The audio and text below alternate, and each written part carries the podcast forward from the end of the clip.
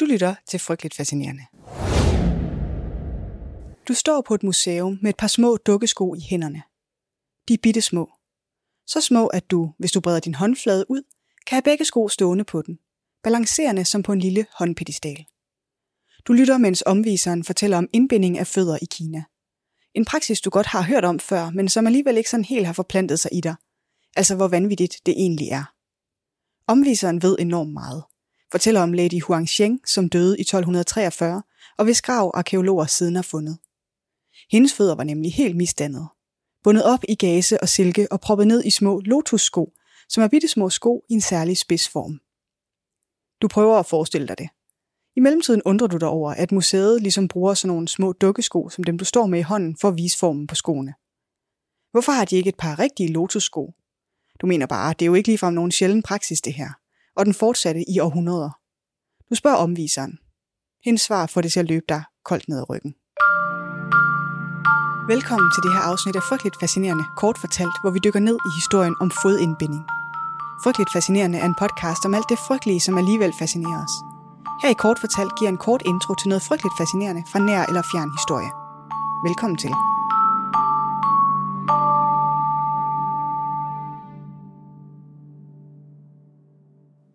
Så temaet i dag. Lytter ønsker. Kæft, det går godt med at opfylde dem for tiden. Dagens ønske kommer fra Nana, og hun har sendt det over på Insta. Tusind tak for det, Nana. Du kan også sende dit ønske og blive nævnt i podcasten. Over på Insta eller på mail, eller inde på min Buy Me a Coffee, som jeg har sat op. Der kan du støtte podcasten med en kop kaffe eller med et lille beløb hver måned. Hvis du vil altså. For omkring 8 kroner om måneden kan du være med til, at podcasten overtager verdensherredømmet. Og som noget nyt, så får du også adgang til lidt ekstra materiale. En podcast om alt det, der ligger bag ved udgivelsen af Frygteligt Fascinerende. Det er lidt nørdet, og det er et noget andet fortælletempo end herinde. Men det er der, hvis det lyder som noget for dig. Og så slut med selvpromovering, videre med dagens program. Jeg kan ikke anbefale dig at google billeder af det her. Det ser frygteligt ud. I toppen af hver eneste hjemmeside, når man skal researche. Jeg har meget ret om små forkrøblede fødder. Så er det sagt, du er advaret, just don't. Kvindekroppen. Evig genstand for alverdens grusomheder. Forsøg på kontrol, kommercialisering, idealisering, begrænsning, bekymring, beskæring, når det er rigtig frygteligt. Om det drejer sig om ønsket om en lille bitte fod i Kina, eller en lille bitte talje i det viktorianske England, eller om en kæmpestor numse i Kardashian-tidens Vesten. Lige så længe vi har eksisteret, har der eksisteret kropsidealer, og ingen har i så ekstrem grad ligget under for dem som kvinder. Og i al den tid, så er der også stået nogen klar med en løsning på de kropslige problemer. Det er svært at ignorere, hvor ofte den her løsning har involveret en form for indsnævring, begrænsning, formindskning, indskrænkning. Og selvom det i sig selv i overført betydning er bemærkelsesværdigt, hvor meget vi historisk set har forsøgt at gøre kvinder fysisk mindre, sørge for, at de optager mindre plads, så behøver man overhovedet ikke at se på den overførte betydning for at forarves over indskrænkningen af kvindekroppen. For de historiske eksempler er skrækkelige, og dagens historie er ingen undtagelse. Fodbinding. Det er lidt svært med den her slags ting at sige præcis hvornår og hvor det stammer fra. Hvem har i første omgang fået ideen om, at man kan binde sine fødder ind? Men en af de tidligste observationer af det her, og der hvor mange mener, at det stammer fra, eller der hvor mange har fået inspirationen fra, er en danserinde ved navn Yao Niang fra det 10. århundrede. Hun snør nemlig sine fødder ind med bandager for at forme dem mere spidse, efter sine i en form som en nymåne. Men udover det, så er hendes claim to fame, at den kinesiske kejser Li Yu bliver meget fascineret af hende, efter han ser hendes danseopvisning, hvor hun danser på tæer inde i en kæmpe guldlotus prydet med bånd og ædelsten. Og hvem kan også sige sig fri for at blive imponeret af det? Men altså, udover at ændre fodens form og størrelse, så giver indbindingen af fødder også en bestemt måde at gå på, for man er nødt til at kompensere med resten af kroppen. For det gør næste her, så det kræver styrke i lår og ballemuskler. Så helt fra fremkomsten af fænomenet er det knyttet op på alle mulige forskellige ting. For det første har erotiske undertoner og fetichering af bestemte fysiske træk spillet ind. Men i takt med, at fænomenet bliver mere udbredt og populært, så bliver det også noget andet. Det spreder sig fra underholdningen og ned gennem de kongelige hofrækker. Folk med tid og penge begynder at praktisere fodbinding, og det gør det til et statussymbol blandt eliten. Og som det er med statussymboler, så spreder det sig som ringe i vandet. En lille fod i Kina på det her tidspunkt er ikke så anderledes end en lille talje i det viktorianske England. Det repræsenterer kvindelig forfinelse. For familier med ægteskabsparate døtre, så bliver fodstørrelsen oversat til sin egen form for valuta og en måde at opnå social status på. Og social status skal her forstås helt, helt bogstaveligt. Der er niveauer, som man kan kategorisere den efter. Det mest eftertragtede niveau er en fod på 3 tommer, og det hedder en gylden lotus. Det er respektabelt at have en fod på 4 tommer, det hedder en sølvlotus, men fødder på 5 tommer eller længere bliver betragtet som jernlotuser. Ægteskabsmulighederne for sådan en pige er, skal vi sige, forringet. Så altså, starter i branchen for underholdning af kejsere, spreder sig i hofferne og bliver til et generelt statussymbol og noget, der repræsenterer kvindelig forfinelse. Og her følger altså en beskrivelse af, hvordan man gør. Fordi jeg synes, det ville være underligt at undlade, men det er virkelig skrækkeligt grafisk, så spol lidt frem, hvis det er. Det forstår jeg godt. Sådan et sæt Lotus-sko, som du stod med i hånden i introen, er cirka lige så lange som en iPhone, og noget smallere. De er trekantede og spidse i deres form. Formentlig er spidsen på din pegefinger bredere end spidsen på skoen. Så det er åbenlyst, hvorfor det har været nødvendigt at starte den her proces i barndommen. Nogle historiske kilder peger på, at man mange steder starter med at indbinde fødder helt fra en pige af 5 eller 6 år gammel. Og så starter man ellers processen med et varmt fodbad.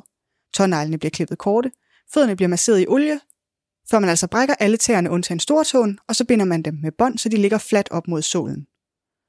Så får fødderne en trekantet form. Derefter skal fodens svang strækkes, fordi nu ligger foden jo dobbelt og er blevet tykkere på midten. Til sidst bliver fødderne bundet på plads med silkebånd i den endelige form. Og så kører man egentlig bare en rinse and repeat hver anden dag. Netop fordi processen er så voldsom, skal forbindingen skiftes virkelig tit for at fjerne blod og pus, som kan give infektioner. Nogle gange skærer man, hvad jeg kun har kunne finde beskrevet som overskydende kød, hvad end det så skal betyde, væk. Midt i alt det, så bliver pigerne også tvunget til at gå lange afstande på de indbundne fødder for at fremskynde brud på deres svangbuer, som kan gøre fødderne fladere. Med tiden bliver ombindingerne strammere og skoene mindre i takt med, at hælen og fodsålen bliver klemt sammen. En fuld fodbinding tager omkring to år, og på det tidspunkt er fodens struktur ændret så meget, at det ikke kan gøres om, uden at skulle igennem en mindst lige så smertefuld proces helt forfra. Udbredelsen og praksis med fodbinding varierer gennem historien og afhængigt af region og samfundsklasse. Med sin oprindelse i det 10. århundredes Kina bliver det gradvist mere populært blandt eliten i Song-dynastiet. Op gennem Qing-dynastiet mellem 1600 og 1900-tallet spreder det sig til de lavere samfundsklasser. Manchu-kejserne forsøger at forbyde praksisen i det 17. århundrede, men det mislykkes. Det er blevet anslået, at op mod 40-50% af alle kinesiske kvinder i det 19. århundrede kan have praktiseret fodbinding. Den procentdel stiger til næsten 100, hvis man kun kigger på overklasse han-kinesiske kvinder. I slutningen af 1800-tallet udfordrer kristne, missionærer og kinesiske reformatorer praksisen. Men det bliver først i begyndelsen af det 20. århundrede, at praksisen for alvor uddør på grund af anti-fodbindingskampagner. I 2007 er der kun en lille håndfuld ældre kinesiske kvinder, hvis fødder har været bundet, der stadig er i live. Yes, og bare lige for at forstå, hvordan fodbinding bliver så populært. Udover den feministiske læsning af ønsket om at begrænse, formindske og forfine kvindekroppen til glæde for mænd, så kan det også være nyttigt for forståelsen med lidt historisk kontekst. Song-dynastiet, hvor fodbinding bliver populært, er en tid med en enorm økonomisk vækst, men også med stor social usikkerhed. I modsætning til middelalderens Europa, som tidsmæssigt ligger samtidig, så er klassestatus under songkejserne ikke kun noget, der er nedarvet, men noget, man ligesom skal fortjene gennem en åben konkurrence.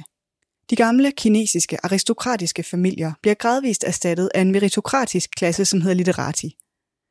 Adgangen til den klasse opnås gennem en række prøver eller eksaminationer, som måler mestring af den konfucianske kanon. Og hvis du ikke er helt så skarp på den konfucianske kanon, som du har været, så er det en kinesisk filosofisk og etisk tradition, der ligger vægt på dyder som renhed, ærlighed og pligtfølelse. Den prioriterer familieværdier og respekt for ældre generationer og understreger vigtigheden af uddannelse og sociale ritualer. Og selvom det ikke længere er den dominerende ideologi i Kina, så har konfucianisme haft en dybdegående indflydelse på kinesisk kultur og samfund i århundreder. Så det er altså ikke så overraskende, at det her skifte, hvor intellektuel formåen kommer til at udgøre et større statussymbol end råstyrke og magt i traditionel forstand, så sker der også et skifte i kulturelle normer og holdninger. Selvom fodbinding altså starter som et, i mangler bedre ord, modefænomen, så udvikler det sig til et symbol på både status, men også på kultur og identitet. Da det mongolske folk invaderer Kina i 1279, så bliver fodbinding blandt andre kulturelle markører noget, som kun kinesiske kvinder gør. Og det bliver derfor en kilde til etnisk stolthed og kendetegn. Derfor kan man også se de historiske forsøg på at forbyde det som mere et forsøg på at forbyde det, som fodbinding symboliserer, end decideret fordi man mener, at praksisen er dårlig. For kineserne på det her tidspunkt er praksisen et dagligt bevis på deres kulturelle overlegenhed over for de invaderende barbarer, der hersker over dem. Det bliver ligesom konfucianisme endnu et skæld mellem hanfolket og resten af verden. Og det er egentlig lidt ironisk, ligesom mange af den her slags ting har det med at være, for den konfucianske filosofi har egentlig oprindeligt afskrevet fodbinding som noget frivolt, men pludselig bliver kvinders håndhævelse af fodbinding sammen med deres stræben efter konfucianske idealer til en kulturel statusmarkør. Sådan er der så meget. Lidt ligesom når ekstremt rige mennesker også er meget konservativt kristne. Som om de lige har glemt det der med kamelen og nåleøjet. Anyway, de tidlige former for konfucianisme har ligesom fokus på pligtfølelse, lydighed og læring. Den udvikler sig under Song-dynastiet og bliver noget nær det tætteste Kina nogensinde kommer på en statsreligion. Det, som man i dag kalder neokonfucianisme. For kvinder, der ligger neokonfucianisme ekstra vægt på kyskhed, lydighed og flid. En god hustru skal ikke have noget andet ønske end at tjene sin mand. Ingen ambitioner ud over at føde en søn, og ingen interesser ud over at underkaste sig sin mands familie. Konfucianske grundbøger om moralsk kvindelig opførsel indeholder uden undtagelse eksempler på kvinder, der er villige til at dø eller lide lemlæstelse for at bevise deres troskab til deres mand og deres familie. Og det er i den kontekst, at fodbinding og smerten involveret i de fysiske begrænsninger, det skaber, bliver en kvindes daglige demonstration af hendes egen forpligtelse til konfucianske værdier. Yes. Og selvom praksisen nu er fuldstændig afskaffet i Kina, den sidste skofabrik, der lavede Lotus-sko, lukkede i 1999, så overlevede det i næsten 1000 år. 1000 år, hvor kvinder overalt i Kina rettede deres energi og opmærksomhed mod at opnå en 3 tommer lang version af fysisk perfektion. Hvad de kunne have udrettet og opnået, hvis de ikke havde været underlagt den praksis, det kan man selvfølgelig kun gætte på. Det var lidt om kinesisk fodbinding, kort fortalt er frygteligt fascinerende, ønsket af Nana. Researchet skrevet, optaget og redigeret af mig. Jeg hedder Maria. Hvis du vil støtte mig af podcasten, så kan du gøre det på Buy Me A Coffee. Det har jeg linket til i mine show notes. Tusind tak for nu.